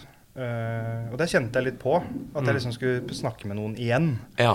Fordi jeg har gått uh, i hele livet nesten i hjelpeapparatet og snakka med folk og fått hjelp til ting. Mm. Og så føler du på en måte at du er litt ferdig med det. Og så nå har jeg blitt trist, nå er jeg sånn og sånn. Mm. Men så skjer livet, da. Mm. Og så er det den med å svølge den kamelen og så si at ja, men faen, jeg kunne godt ha tenkt meg å Jeg syns synes det er godt. Om, ja. Mm. Jeg syns det er helt topp. Ja. Ja, nei, jeg, det tror jo det Det høres jo veldig For å si, å si det på den måten, så kan jo ikke jeg Jeg kan ikke sammenligne Det med Eller det er jo en ganske sånn tung historie. Men hvis en ser det under en sånn generell greie, så er det jo når du sier det at det, livet skjer. Fordi en kan jo ha opplevd ting som setter en i en situasjon, og så plutselig så skjer det Og det, det merka jeg at det skjer hele tida i mitt liv. At det, det, plutselig så kommer det ting inn det kommer, det kommer en sånn liten trailerbil og krasjer inn i sida, liksom, og, for, på livet. Og så, og så kommer du litt tilbake i gamle mønster. da eh, Plutselig er det en øl for mye, eller, og, eh, og da er jo den, hvis den sitter litt langt inne, så er det jo sikkert veldig eh, konstruktivt. Men for det så sitter det litt, eh, litt langt inne. ja da. Mm. Men vi er veldig sånn opptatt av at det er ikke farlig å prate om ting. Det er ikke farlig å be om hjelp. Fordi det finnes så mange bra folk som kan hjelpe deg. Mm. Så det tyngste er å gå rundt og bære, bære ting sjøl, så ryggsekken blir tyngre og tyngre. Og tyngre. Og da tyter det ut i alle andre ting som det ikke bør tyte ut i, holdt jeg på å si. Absolutt. Ja. Ja, det tror jeg. Ja. Mm. Nei, nei, for min del så er jeg liksom sånn Jeg er ganske rolig på det å be om hjelp. Uh, men det er jo sånn som du, da, som syns det sitter litt langt inne. Jeg tror det er vanligere å ha liksom På en måte ha fått kanskje Men eh, det er nok en sånn ting som jeg har der jeg eh, Det bare ligger litt lett for meg. Og når jeg skjønte at det var en mulighet, så bare hvorfor ikke? Men du har musikken òg, da. Du uttrykker deg sikkert mye i musikken. Ja. Mm. Men eh, Og det vet jeg ikke om jeg burde si, men det er, det er litt sånn eh, Nå, skal jeg Det her nå skal jeg, er et dilemma for dere. Mm. Folk sier ofte sånn Ja, men er det ikke litt sånn Er det ikke litt sånn terapi å drive med den musikken? Og før så var jeg sånn jo, jo, jo. jo. Mm. Men så har jeg tenkt litt sånn etter hvert som jeg blir eldre, så tenker jeg sånn Kan det være at det er litt som å drive og rispe i et gammelt sår? At det hele tida skal liksom Gir det her noe mening? Eller? Ja, det veldig mening. Ja. Kanskje i hvert fall litt sånn den sjangeren du er inne i, litt sånn melankolsk, så er det forventninger til at det er litt sånn Du kan ikke plutselig komme med en sånn partylåt med Staysman, på en måte. Det er litt sånn der, Du skal liksom holde deg i din fil. Og det er sånn Å nei, da må jeg Herregud, det er derfor hun ikke vil høre på den låta her. Nei, men det er litt sånn Det, det blir sånn forventninger til at det er Ja, liksom samme litt sånn eh, Samme stemninga i Ja. eh, fremtidige låter òg, på en måte. Nesten som å finne på mer problemer som du kan skrive om. Jeg kjente på det du sa der, fordi at jeg nevnte i stad at vi har vært ute med historien vår i den ene settingen og den andre settingen. holdt jeg på å si. Mm. Men, men det òg var litt sånn gjennomarbeida og litt sånn ferdig med gåsetegn. Men så skal du begynne å, å levere Ja. ut ting. Personlige ting og, og traumatiske ting. Og da risper du opp i de såra som du snakka på. Ja. Og da var det, det var den perioden som jeg i hvert fall begynte å slite. Fordi at jeg, da begynte jeg å gå så inn i materien, og så begynte jeg å levere det ut til så veldig mange. Ja. Eh, og så begynte liksom alle tanker og alt ble trigga på alt mulig rart og sånn. Mm, Ja. jeg, jeg husker ikke hvem som sa det, men det var noen som forklarte det at hvis du skulle reise rundt og fortelle historien din, så burde du heller ha spilt inn en video. Det var Jimmy. Det var Jimmy som sa det. Mm. Så du spilte inn en video, fordi han da sa da at hvis du eh, tre ganger i uka da skal stå foran publikum og snakke om historia di, Mm. så kommer du til å bli prega på en eller annen Altså, det kommer til å gjøre noe med det deg. da. Mm. Og det hadde vært bedre å så snakke litt om ok, hei, jeg heter deg da, og så sånn og sånn. Mm. Og så kan du se en video, og så spille en video hvor dette blir forklart. For hvis du skal hele tida stå og fortelle om det, fortelle om det, fortelle om det, Ja. Så kommer det til å spise det litt opp, tror jeg. ja, det det gir jo mening, da. Hvis du skriver og synger om et brudd, f.eks., og så hører du den på radioen hver dag, så, vil jeg jo tro at du på en måte blir satt litt tilbake, eller tankene Ja, det, Kommer. det, det er noe greier. Mm. Jeg har en eh, kompis, han har et eh, foredrag om eh, Han må du ikke ha her, vet du. Han, han har et foredrag om, å være alkis. Han Espen P. L. Ervåg. Mm. Uh, hvordan, dri, 'Hvordan drikke på jobb' heter foredraget hans. Kompanirekrutt Lervåg. Ja. Hvor han var, jeg husker ikke nummeret på han. Men uh, nei, uh, nei, og det der òg. Men han er jo Der har han spilt inn ganske mye video, som kanskje kanskje forklarer dette. Det gir mening. Ja. Ja. Hva så det foredraget hans? Det blir litt sånn distansert hvis du har det på video i stedet for å måtte gjenoppleve hver eneste gang du forteller, for du mister jo litt av deg sjøl hver gang du på en måte For da kan du vise videoen som viser de viktigste punktene da, du, gjennom Mm. den historien. Og så kan du stå og prate om litt ting om Så kan du gå inn på hvordan du fikk hjelp etterpå. Ikke sant? Mm. hvordan ting ble bedre. Og da går du heller derifra med en litt sånn bedre følelse. Enn mm. du Mm. skal stå og snakke om noe negativt hele tida. Ja, det gir veldig mening. Også, men uh, nå må jeg bare si det at det høres jo kanskje ut som at det var jeg som starta dette ballet her. Så jeg må jo bare si det at folk må jo for guds skyld uh, gå og be om hjelp hvis en sliter med noe. Det er jo det viktigste. Men jeg merka at etter hvert som en prosesserer ting, så kan det være digg, ja. Og jeg tror det også er en viktig ting. da, At, det, når, at det, ting må få fred Nei, det veit jeg ikke. Jeg vet ikke, jeg er for lite faglig orient. Jeg har ikke for lite faglig tyngde på dette. Men, Men til jeg kan kjenne på det at ting kan Nå, nå trenger jeg ikke mer av det der, hvis du skjønner. Ja. Men i forhold til den, det du forteller, da i til Jeg orka harde... ikke mer til hun dama. I forhold til det du forteller da om den der festinga som kanskje tok litt av, og den der, at det ble litt sånn vel mye utagering i forhold til sånne ting. Mm. Uh, har du, tenker du ofte på i forhold til nå Du er jo et kjent fjes. Uh, rollen som hva skal jeg si, rollemodell, eller Offentlig person, Ja. rollemodell, ja. Uh, Føler du noe ansvar på å være en god rollemodell, eller eh, Ja. er det noe som preger deg, liksom? Ja, jeg gjør det. Altså, eller, altså, jeg tenker på året når du sier det. Nei, du, det der syns jeg er veldig øh, Åh, det er et vanskelig spørsmål, fordi um, Svaret er jo på en eller annen måte Det er litt sånn uh, Det er et svar med mange svar. Ja. Uh, fordi jeg, hvis det er slik at folk tenker sånn Daniel Kvabben, han han eh, kan på en måte lære noe av, så er jo det helt sinnssvakt. Og det er jo veldig sånn stort og fint. Ja. Og hvis det stemmer, så er jo det bare helt, helt utrolig rått. Og så har nok jeg litt sånn problem med å se meg sjøl som sånn eh, kjent figur utafra. Og så, er det, så, så når du spør, så er svaret mitt at i, i den grad folk liker det jeg gjør, og liker det jeg sier og sånt, så, så, ser jeg, så, så syns jeg det Og da, da føler jeg absolutt på ansvaret. Jeg syns det er veldig flott og stort å kjenne på. da At jeg, sånn, Jeg skrev en låt i fjor som Eller på den plata som heter 'Gutta som gret', som heter 'Den tyngste turen'. Uh, og som handla om liksom, om det der når, tung er, liksom, når, når livet er ganske tungt. da og, og prøve å takle det. Og der, der får jeg masse folk som kommer bort, og det har det jo egentlig vært i hele karrieren min. har jo vært litt sånn at det, folk kommer jo bort med ganske sånn tunge historier og sånt, da, og det er jo uh, ganske sånn enormt å kjenne på. At å ja, du, du hadde det Det er jo mange som kommer opp og sier sånn Oi, det, det har hjulpet meg gjennom det og det. Og det Så på det ansvaret. Men, men så har jeg funnet ut det at jeg er såpass sånn Så svaret er ja, jeg kjenner veldig på det ansvaret. Langt, langt svar. Men så er jeg også på samme måte en veldig sånn Jeg er liksom Jeg greier ikke være et sånn perfekt A4-bilde av en eller annen kjendis med masse sånn flotte bilder på Instagram og Halleluja, sier jeg da. ja.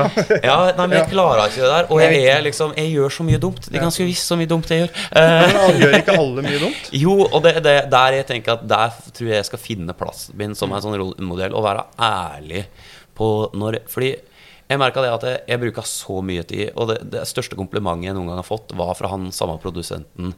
Even heter han. Han som jeg fortalte sånn Du må bli bedre på det. Du må bli bedre på det. Og han blei ganske forbanna på meg den perioden, da, fordi han mente at det var ufordragelig. Og så satt vi oss ned og tok en øl for et par år siden, og så sa han du er mye rart, du, Daniel. Men det som, er, en, det som er din styrke, er at du, du vil virkelig bli et bedre menneske. Og så var jeg sånn Oi, det var en skikkelig Så det, det er liksom, Jeg har aldri fått et større kompliment. Nei. Og jeg bruka veldig mye tid Nå prata jeg mye her, men jeg bruka veldig mye tid på å um, bli et så bra menneske som mulig. Men så er jeg så dum i huet at jeg gjør så mye dumt hele tida. At jeg har bare funnet ut at det må jeg liksom stå for. Og så tror jeg jeg kan, hvis noen kan på en måte bruke meg som et eksempel, så er det å se på et eh, helhetlig menneske som prøver så godt han kan, på en måte. Når du forklarer det, så får jeg det stikk motsatte av inntrykk av noen Ja, ja. som er dumme i huet. Ja, Jeg tenker, ja, men ja, altså- men jeg tenker også halleluja for at du gjør litt dumme ting. Fordi at det, det siste vi trenger, er jo sånne photoshoppa kjendiser som sitter og er perfekte. For det er jo ingen som er det. Nei. Og du er jo bare en person, du òg. Ja, og så viser, viser, litt. ja, viser litt mer den naturlige sida av det å være kjendis òg. Ja. Altså, du jo Jeg tenker bare på å stille opp her i dag med oss, jeg. Å ja, nei, det var, det jo bare hyggelig. inn Det var jo kjempehyggelig, dette. Ja. Ja. Ja, Jeg husker jo ikke hvor det gikk, det, men var- kunne Folk er folk, liksom. Ja, folk er folk. Det er akkurat det. Og eh, folk er folk. Og eh, det er vel egentlig så enkelt at eh, Det er jo så inne på, Vi var jo litt inne på nyanser i forhold til sinne i stad, men det er jo også nyanser i forhold til eh, det er jo liksom veldig morsomt da jeg har hatt en sånn skikkelig fyllekule på lørdag. Så, jeg, kan, så jeg ble sittende og prate med han life-coachen, han som er med i den der Helse Kåss Furuseth. Hva heter Ja, han? han eh, navnet. Eh, Det han var veldig opptatt av at han ikke eh, Jeg skulle kalle han life coach, men jeg husker ikke. Han har, men han er en kjempefin type som er sånn Han er, han er sånn Han er sånn Han veileda en del sånne kjente personligheter. Og jeg kjenner ikke så godt, men vi bare var på samme plass. Og så ble vi sittende og prate om liksom, dumme ting han har gjort. Og definisjonen til ondskap. Og han var nok litt sånn Ja, men noen ting er onde. Og det er klart at det, på et eller annet tidspunkt så bikka ting til å være ondt. ikke sant? Men mm. sannheten er det at det, de fleste av oss gjør ræva ting mot andre. De fleste gjør ræva ting mot seg sjøl. Og folk er folk. Og hvis en på en måte ser de ræva tingene han gjør, og tenker sånn faen, sånn har jeg ikke lyst til å være her lenger, da tenker jeg at eh, folk er på Da er det egentlig ganske bra folk. Det er det som Jeg har inntrykk av at når folk gjør dumme ting i gåstein, hvis vi kaller det det, da, så er det Mm. ofte velment. Men at vi driter oss ut. Ja. Og så er det spørsmålet om vi kan lære noe av det, eller om vi klarer å si unnskyld, eller hvordan vi takler det i etterkant. da. Absolutt. Det er viktig. Ehm, det kan hende jeg prata med han om at jeg hadde sendt en melding. Men jeg hadde også lyst til å spørre deg, er det vanskelig å, å leve et liv der ma så mange, eller samfunnet, eller eh, aviser og alle har en mening om deg? Ja, det svarer ja. Ja. Ja, jeg Ja. hater det. Jeg Ja. hater det virkelig. Jeg Ja. syns det er skikkelig ubehagelig. Det skjønner jeg. Ja. Er, du, er du fornøyd med åssen du liksom blir fremstilt i media? Du var jo med på Kompani Lauritzen òg. Ja, Er det du- var en surpomp, mener du? Ja, men, Du du imponerte der, da. ja. Jo, takk. men, men, men syns du sjøl at media er fremstilt det riktig? Altså, Har du sett på det Har på det sjøl på TV? Syns du er Nei, jeg ser aldri på meg sjøl på TV. Eh, og så tror jeg at uh, Kompani Lauritzen Jeg tror jeg, jeg skulle gjerne sagt sånn Nei, men jeg er ikke så vrang. Jeg var ganske vrang i starten der. og jeg, hvis Dag Otto Lauritzen Han kommer alltid opp til meg hver gang jeg er eh, Hver gang jeg, hver gang jeg treffer ham, og så sier han Ja, men For han har nok litt sånn jeg tror han har, han har stor samvittighetsfølelse. da Så hver gang noen har blitt liksom framstilt som de er litt sure eller litt sånn eh, Litt uh, ute å kjøre uh, i det programmet, så får han litt sånn dårlig samvittighet. Eh, og så kommer han opp til meg og så sier han alltid sånn Ja, men du syns det var ganske ålreit òg, Daniel? Du syns det var Og så ser han med sånne håpefulle øyne på meg, og så sier han ja, ja, ja. Og sannheten er det at hvis jeg det er jo mye rart i media, da. Uh, og det er visse ting som jeg har vært med på som ikke stemmer i hele tatt. Jeg har nå blitt uh, beskyldt for både det ene og det andre i media. Så det, uh, det, det er klart det at det kommer ting som bare er tull, og som er bare helt sånn Det her er ikke med. Men Kompani Lauritzen Såpass vrang er jeg til tider. så Det skal jeg stå for. Eh, men det var, jo, det var jo veldig lærerikt. da Jeg lærte jo helt enormt mye om meg sjøl. ja, for det er jo er ikke noe stikke under stol at det er mye medieinnflytelse på mange barn og unge nå i dag. Ja. Ikke sant? Mye går gjennom media, og ikke alt er fullt så bra. Eh, virkelig. Eh, eh, men eh, Da er det så jævlig viktig at vi har noen som Ja. kan være seg sjæl. Ja, det er jo veldig moro. Jeg bor rett ved ei barneskole. Ja. eh, og der kommer det Og så er det innimellom så kommer det noen sånn Der står og leker inne i gården der. Og så går jeg etter Sånn som i dag, eksempel, så går jeg forbi. da Og det er innimellom noen som stikker ut og så sier sånn Er det du er, er det du som er ulven? Og jeg bare sånn ja, Fra Maskorama. Ja, ja, ja, det er det! Og, ja, det, det, det altså, og det er liksom sånn eh, Ikke at det har noe med psykisk helse og sånt å gjøre, men eh, det er jo helt spinnvilt å få lov til å være sånn Så det er den gode sida av det. da Ja. Eh, At jeg får lov til å være superhelt for tiåringer og sjuåringer. Liksom. Det er jo helt Ja, det er jo er helt- så rått. Alle At syns det, det er kult å være superhelt. det syns eh, Det, syns, det tror jeg alle syns, ja. Ja. ja. Men nei, så det, er det er kjempegodt og vondt. Men jeg, men jeg liker ikke en sånn eh, Jeg syns sånne rykteforum som sånn Jodel og sånt, det syns jeg liksom det er, Altså Hvis noen har laga et virtuelt helvete, så finnes det, er- det er sånne ting syns jeg bare er Og der står det så mye rart om folk og Så jeg, så jeg syns særlig den der eh, med sånn sladder og sånt, det er jo ganske intenst i vår alder. Eh, og der må en ta noen runder med seg sjøl. Jeg husker første gang jeg leste noen som skrev at jeg syntes jeg var teit på internett. Ja. Så jeg ikke stå i bakken. Det Altså, er ganske personlig, tror jeg. ja. Men så er det jo sånn at det kommer jo med masse sånn En lærer seg å bygge en mur, og så kommer det jo med masse gode råd. En får lov til å være helt for unga og får lov til å leve livets glade dager på turné og sånt. Det er jo ikke, det er ikke noe å klage over. Nei. Nei. Men det, sånn, det har jo skjedd mye på kort tid, holdt jeg på å si, og du har vært med på veldig mye i media. Men hvem er det du liksom har med deg i livet ditt som holder deg litt sånn Jorda. jorda, ja? Eller hvem er det som rykker deg litt ut hvis du havner litt utpå, eller hvem er det som er tryggest for deg, på en måte? Åh, nei, det er jo fortsatt mutter'n, da. Eh, og fatter'n. Selv om han prata jo ikke om følelser. Så det er jo kanskje destruktivt nok det i seg sjøl at han er liksom min go-to. Men eh, det er jo mor og far min som jeg er utrolig glad i. Eh, men så har jeg jo en del sånn gode venner rundt meg da som er sånn Som napper litt taket med hvis det blir for voldsomt, holdt jeg på å si. Um, Og vi trenger alle en sånn blant annet hun jeg sendte melding til. Ja. jo, men jeg tror det er så viktig, særlig Så når man blir Ja, ja, sånn, ja, men særlig når man blir litt sånn kjendis. Jeg hater det ordet, men eh, jeg tror det er viktig å ha noen som, som sier fra når ting blir for gærent, da, som kjenner deg, og som sier at det her er ikke deg, på en måte, sånn, som rykker deg litt ut. da. Jeg tror det er viktig å ha noen sånne. Absolutt. Men det gjelder vel i livet generelt. Ja. at det er noe- Men det er sikkert i større grad. Ja. Men uh, hvis de, det, er vel, det ser vel ikke an i jobben hele tida at hvis de mista den der faste havna, noen som er liksom trygge og, og som kan liksom holde holde, holde taua, holdt jeg på å si, når, det, når det bles for voldsomt, så er det jo Så da rykker det jo her. Da, da kan den skuta gå i alle retninger, liksom. Ja. Vi ser de ungdommene våre som eh, Egentlig så elsker de eh, rammer og strukturer, at noen kan komme inn og si at det her er ikke greit, eller det her burde du ikke gjøre, eller det her Og Hvis du gjør det da med omsorg, så responderer de veldig godt på det. Mm. Det er når de flyter rundt der ute og Ja, skal ta alle, sine, alle valga sjøl og Vi ser jo det vi at det går jo gærent gærent. med ungdommene våre så, men vi stopper dem kanskje når det har gått en eller to dager, i stedet for at det får fri flyt i Mm. ukevis, på en måte. At det får en stopp, og så går vi tilbake til start, og så hva har vi lært av det her, på en måte. Ja. Så- Men dette med ramme er jo utrolig interessant, for det der har deg jo både sånn, Jeg sier jo ofte det at det er kreativitet, f.eks. Det jeg driver med. At hvis du får noe ramme Jeg skriver en låt nå til Herborg Kråkevik. eh, Det, det, det, det syns jeg er ganske rått. At jeg, Ja, det er ja. Eh, hun har sånn julemagasin, og da får du noen sånne rammer sånn Det må handle om det og det. Ja. Da kan det gå veldig lett. ikke sant? Det er jo sånn typisk med kreativitet. At du setter noen ramme, så blir det mye lettere, liksom. Og der sier hun også Apropos valgmuligheter og sånt, så sier jeg at det fins et studium um, som viser Der tok eh, fra USA på, fra 70-tallet og utover til 2000-tallet, eller 2010, så så de på utvikling i lykke eh, versus muligheter.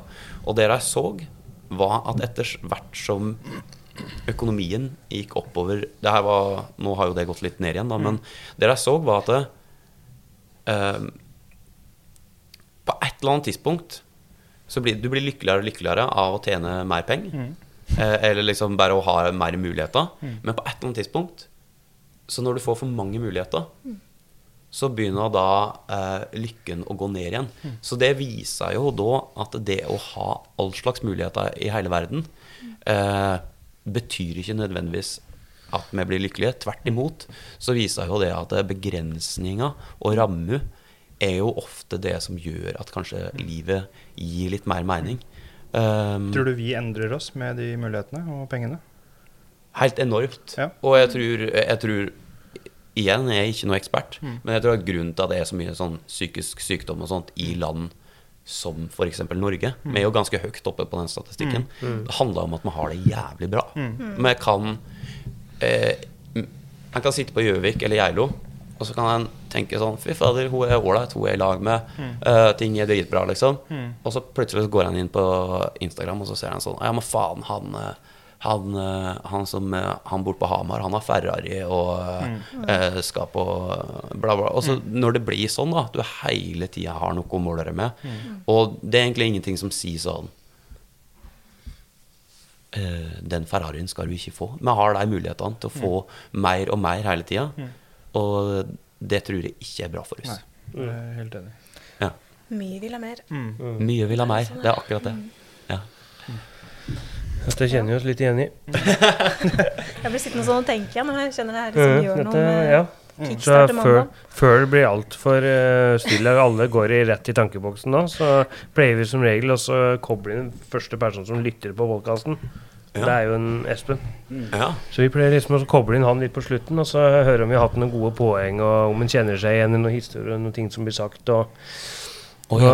ja. Hadde jeg visst at dette skulle bli vurdert, så hadde jeg ikke du Jeg, får ikke noen karakter, det er ikke noen vurdering.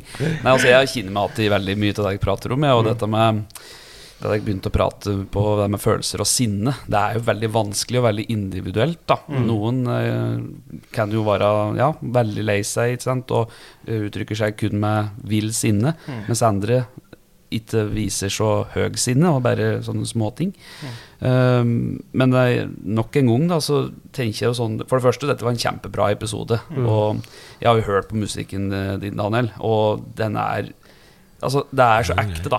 Jo, takk. Ja. takk. Og så sitter jeg òg med en veldig god følelse at du er veldig bra person òg. Jo, tusen hjertelig Ja. takk. Jeg prøver. Jeg Ja, prøver. og det gjør du absolutt med god hotell. Men, I, I eh, like måte. men eh, ja, og så tenker jeg litt sånn at um, uansett hvor du kommer fra, uansett hvor du bor, og det fins alltid hjelp, da. Så hvis en sliter med noe, så må en bare ja, ta kontakt og få hjelp. For det er ikke noe skam å spørre. Så ja, nei, veldig fint, eh, fint å høre. Og dere er inne på veldig mye bra poenger som eh, folk må og, ja, uh, holdt på å si fange opp, kan du si. Ja. Jeg blei både flau og stolt, jeg. Det er bra. Kan du ikke gi inn et ternekast, da? Nei, nei, nei, nei, nei, nei, nei, nei, jeg tør ikke. Åh, jeg hata terningkast. Så han lar seg sånn eh, strofe, Lars har en sånn avslutningsstrofe. Sånn rent avslutningsvis Da, liksom, da er vi inne på slutten. Da går vi inn for avrunding. Mm. Ehm, innmari koselig at vi fikk oss en tur inn til Oslo i dag og fikk lov til å møte deg, Daniel.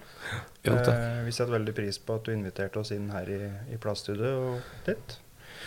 Jeg sitter igjen med en veldig god følelse etter at vi har sittet og prata her i dag. Og du, du fremstår på meg som en sånn varm og ekte person. Mm. Uh, og det har vært veldig sånn behagelig å sitte her. Og så rommet på en måte Det er høyt oppunder, ja, det er høyt- høyt oppunder taket her, men Ja. det blir veldig, veldig intimt og veldig fint. eh, For du, du sprer en sånn Sprer en sånn varme og sånn godhet. mm. Som gjør at Du, eh, Takk, men jeg blir forlegen. jeg, Vet du. Jeg, er ikke så glad, jeg er ikke så bra på skryt. Men Så det, syns jeg det er viktig, sånn som du har, du, sånn som du har sittet og pratet i dag, om at du, ja, du gjør noe ting og dummer deg ut litt innimellom. Men allikevel så viser det at, eh, at en, Daniel Kvammen nå går til sykehus og går og snakker om ting. Er og til å menneskelig. Ja, er menneskelig. Og jeg tror det er veldig viktige ting å få fram i dag. Mm. Som Akkurat sånn som du har sittet og snakka om, om akkurat de greiene her. For jeg tror det er veldig tabubelagt at man snakker med noen.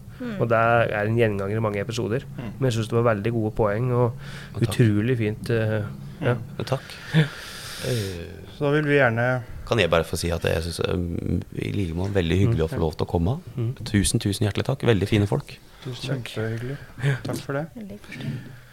Da gjenstår det bare å takke for oss, og så skal vi kjøre oss bort en to-tre ganger til. Og Ja. så skal vi komme oss hjem igjen til bygda. Mm, vi, får, vi, vi, får, vi, får, vi, Vi får, eh, vi får kjøre oss og så gjøre sånn som pappa sier. At hvis du alltid følger- veien oppover, så går vi bort ifra havet. Ja. Mm. ja. Da er vi ute. Da ja. er vi ute. Da går det greit, ja, hvis han kjører vekk fra havet. Så hvis ja. vi Da havner du oppi. Holmenkollåsen nå, da er vi liksom Ja, så hvis vi kjører oppover og begynner å kjøre nedover, da er vi på gæren vei. Ja. Spesielt hvis de kan havne oppå Holmenkollåsen Ja. og Ja. begynne nedover igjen. Da er jo utenfor det der hoppet der må de iallfall ikke havne. Og så helt til slutt så har jeg lyst til å si er, Hva er første konsert eller opptreden eh, du skal ut på nå, som folk kanskje vil få med seg? Du veit ikke hva, det er litt moro, for det tror jeg faktisk Men det er nok et lokka Men jeg tror hvis det er jeg tror, eh, Nei, kanskje det er hemmelig. Nei um, Si det. Nei, jeg tror jeg skal spille på en event på Hamar.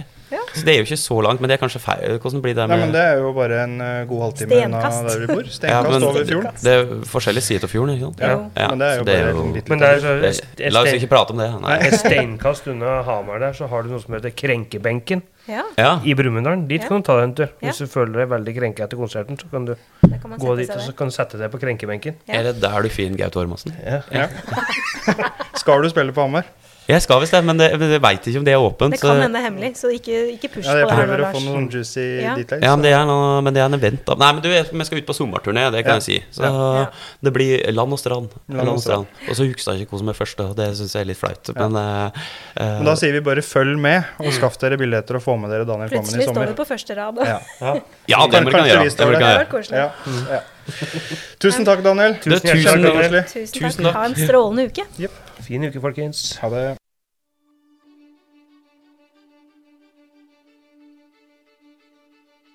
Gå veien sammen med dem. Og være en omsorgsperson, være en støttespiller, være en uh, voksenperson, være en kompis, være en bror, en søster. Altså Vi skal ikke gjøre jobben for dem, vi skal gjøre jobben sammen med dem. De skal ha delaktighet i eget liv, da. Og det er jo absolutt kjempeviktig idet du driver og blir voksen. For uh, idet du blir 18, så er du jo på en måte voksen, men eh, vi skulle alle kanskje ønske, når vi var 18, å ha en litt sånn kompis og støtte seg til som har vært der før, da.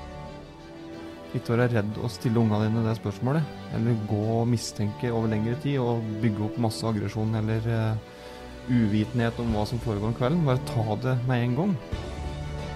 Du hører nå på Teamup podkast. Mitt navn er Espen Haug, og i et samarbeid med Teamup Helse AS har vi nå laga denne podkasten nettopp for deg. God fornøyelse.